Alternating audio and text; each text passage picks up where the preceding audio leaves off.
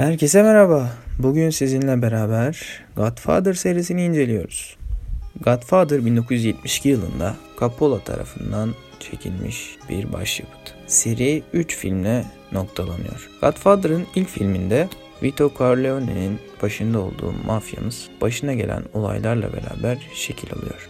İlk film bir düğün sahnesiyle açılıyor. Vito Corleone ailedeki bütün çocukların vaftiz babası ve herkes ona Godfather diye sesleniyor. Düğünde bile insanlar ona gelip dertlerini anlatıyor ve ondan bir çözüm bekliyorlar. Vito Corleone'nin diğer mafya babalarından bir farkı politika içinde son derece söz geçen ve istediğini yaptırabilen bir adam olmasıydı. Vito Corleone'nin 3 oğlu var. Bunlardan ilki Fredo, ikincisi Solozzo ve üçüncüsü Michael. Vito Corleone Fredo'yu ondan sonraki varis olarak görmüyor. Çünkü Fredo biraz yumuşak ve kendi istikleri uğruna hareket edebilen bir insan. Onun yerine kardeşi Sunny çok fevri ve ailesine düşkün bir insan değil.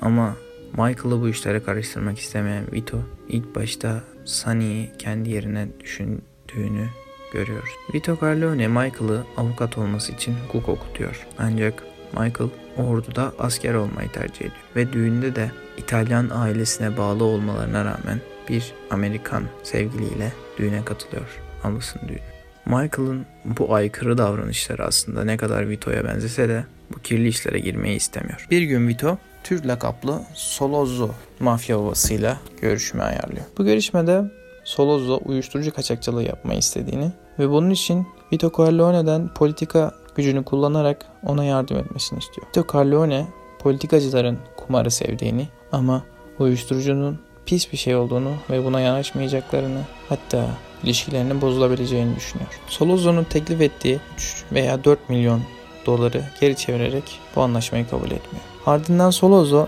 Vito'yu bir manavda kıstırarak kurşuna dizdiriyor ve Vito ölmüyor. Yoğun bakıma kaldırılıyor. Bunun üzerine oğlu Sunny, Vito Corleone yoğun bakımdayken onun yerine işlere bakıyor. Tam bu sırada Michael görevdeyken çağrılıyor. Beraber bir şeyler yapmaya çalışıyorlar. Michael bir plan ayarlıyor ve Solozzo ve yanındaki bir polis görevlisiyle bir toplantı ayarlayıp onlarla anlaşabileceklerini söylüyor. Ve toplantı sırasında ayarladıkları planla Solozzo ve yanındaki polisi öldürüyor. Ve bunun üzerine Michael Sicilya'ya kaçırılıyor. Michael Sicilya'ya kaçtığında Sunny hala işlerin başında. Sicilya'da Michael İtalyan bir kadınla evleniyor. Ve orada da bir suikast sonunda karısını öldürüyorlar. Tam buralar çok acıklı sahneler gerçekten. Ve sonra Michael tekrar Amerika'ya dönüyor. Tam bu sırada kardeşinin kocası düşmanlarla işbirliği yaparak o ağabeyi Sunny'yi öldürüyor. Ağabey Sunny öldükten sonra işlerin başına Michael geçiyor. Sunny'nin ölmesi Vito'yu da çok üzüyor. Ancak Sunny aslında bir baba karakterine uymadığını o da biliyordu. Michael işleri yoluna sokmaya çalışırken Vito ona bir öneride bulunuyor. 5 baba yani 5 mafya babasıyla beraber bir görüşme ayarlanacak ve bu görüşmede Michael da öldürülecekti. Ve Michael'a şöyle diyor Vito. Bu haberi sana kim getirirse ilk hain odur. Ve yine bir zaman geçiyor ve Vito Corleone bahçede torunuyla beraber oyun oynarken kalp krizi geçirerek hayatını kaybediyor. Cenazede Michael'a haber geliyor. Beş mafya babası seninle görüşmek istiyor diye. Michael öldürüleceğini anlıyor ve planını yapıyor. Buluşmaya gelmeden önce 5 mafya babasını da öldürtüyor. Ve artık bütün güç Michael'a geçer. Michael yeni mafya babamız olmuştur. Michael Don Corleone. Ve ilk filmde Michael'ın nasıl mafya babası olduğunu bu şekilde gördük. Serinin ikinci filminde Vito Corleone'nin nasıl baba olduğuna ağırlık verilmiş. Vito Corleone küçükken Sicilya'da bir kan davasının içinde kendini buluyor. Vito Corleone öldürülecekken annesi kendini feda eder ve Vito ABD'ye kaçar. Hatta kaçırılır. Filmde Vito Corleone'nin başından geçenler anlatılırken bir yandan da Michael'ın büyüyen mafya işlerini idare etmesini ve babası gibi onun içinde çok önemli olan ailevi ilişkilerini yürütmeye çalışması gösterilir. Vito Corleone küçük yaşta geldiği New York'ta büyür. Evlendikten sonra aile kuran Vito yakın ve düzgün bir hayat sürer. İşlerini gayet yoluna koyan Vito'nun önüne dönemin haraç toplayan bir çete üyesinin çıkmasıyla Vito suç dünyasına girmeye başlar. Bu adamın istediği fazla haracı ödemek istemeyen Vito adamı öldürdükten sonra namı yürür ve mafyacılık oyunlarına nasıl başladığı bize bu şekilde gösterilir. Vito Corleone'nin gençliğini bu ikinci filmde Robert De Niro oynamıştır. Hatta Robert De Niro filmin 45 dakikasında Vito'nun gençliğini oynarken oynadığı oyunculukla Oscar ödülüne layık görülmüştür. Filmde Vito'nun gençliği anlatılırken bir yandan da Michael'ın yürütmeye çalıştığı olaylar anlatılır. Michael suç işlerinden ne kadar uzak durmaya çalışsa da suç dünyası onu içine çekmeyi başarmıştır. Michael Corleone bu filmde en büyük darbeyi onca işle uğraşırken eşi Kay'den yer. Kay bu pis işlerden bıkmış ve usanmıştır. Ayrılmak istediğini söylemiştir. Michael bunu ne kadar istemese de Kay'e saygı duyar ve ayrılmayı kabul eder. Kay hamileyken çocuğunu karnında öldürmüştür ve böyle bir aileye bir çocuk daha doğurmak istememektedir. Michael çocukların kendinde kalmasını ister. Michael için önemli olan aile artık parçalanmak üzeredir. Bu filmde en önemli nokta ise Michael'ın ağabeyi Fredo'yu öldürtmesiydi. Fredo'nun Michael'a ihanet etmesi onu çok yaralamıştı. Michael ikinci filmde Tataglia ve çetesiyle uğraşırken ağabeyi onun arkasında durmamış ve diğer mafyaları korumuştu. Fredo'nun Michael'a ihanet etmesi ve Michael'ın onu öldürmeyi düşünmesi sadece bir tek engele takılıyordu. O da annesi. Annesi Fredo'yu çok seviyordu. Ve Michael kardeşine şöyle bir söz verdi. Annem ölene kadar ona dokunmayacağım. Annesi öldükten sonra Fredo Michael'la beraber yaşıyordu ve Michael'ın çocuklarıyla ilgileniyordu. Bir gün Fredo balık avlamaya çıkarken çıktığı sırada hatta Michael onu öldürttü ve denizde boğuldu süsü verdi. Evet bu şey Michael'a çok ağır gelecekti ama bunu yapması gerekiyordu. İleride bunun acısını çok çekecekti. Michael bu filmde ne kadar suçtan kurtulmaya çalışsa da bunu bir türlü başaramadı. Ve geçiyoruz serinin üçüncü filmine.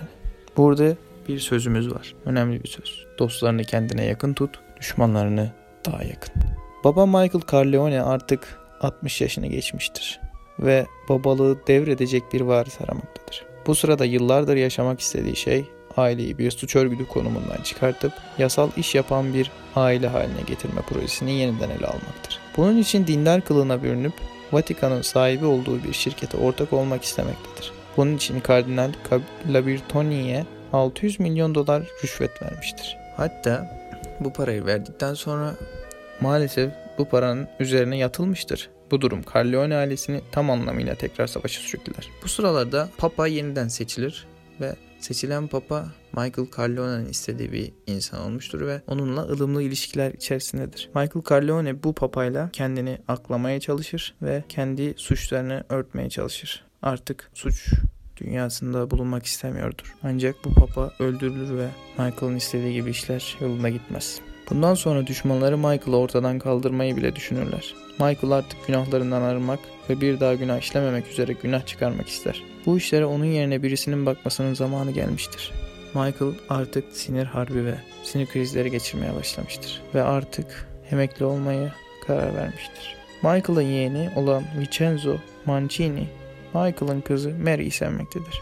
Michael bu ilişkiyi istememektedir. Michael, Vincenzo Mancini'yi kendi konumuna getirir ancak kızının peşine bırakması şartıyla. Artık Don Vincenzo Corleone'dir. Vincenzo, Sunny'nin oğlu ve o da babası gibi çabuk öfkelenen bir yapıya sahip.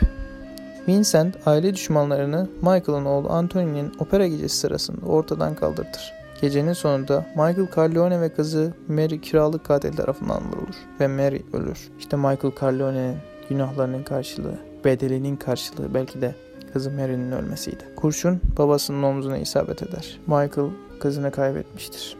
Bu filmin sonunda da Michael Sicilya'da evinin bahçesinde oturduğu sandalyede hayata gözlerini yumar. Ve bu sahnede de elinde portakal ve bıçak vardır. Filmde ölüm sahnelerinde portakal olması ilgi çekici bir olay. 5 mafya babasının bulunduğu masada 5 portakal, Vito Corleone'nin ölümünde ağzına aldığı portakal kabukları ve Michael Corleone'nin ölümünde de elinde portakal olması bu filmin püf noktalarından birkaçı. Evet, Godfather serisine de böylece bakmış olduk. Umarım keyif alarak dinlersiniz. Tekrar görüşmek üzere. Hoşçakalın.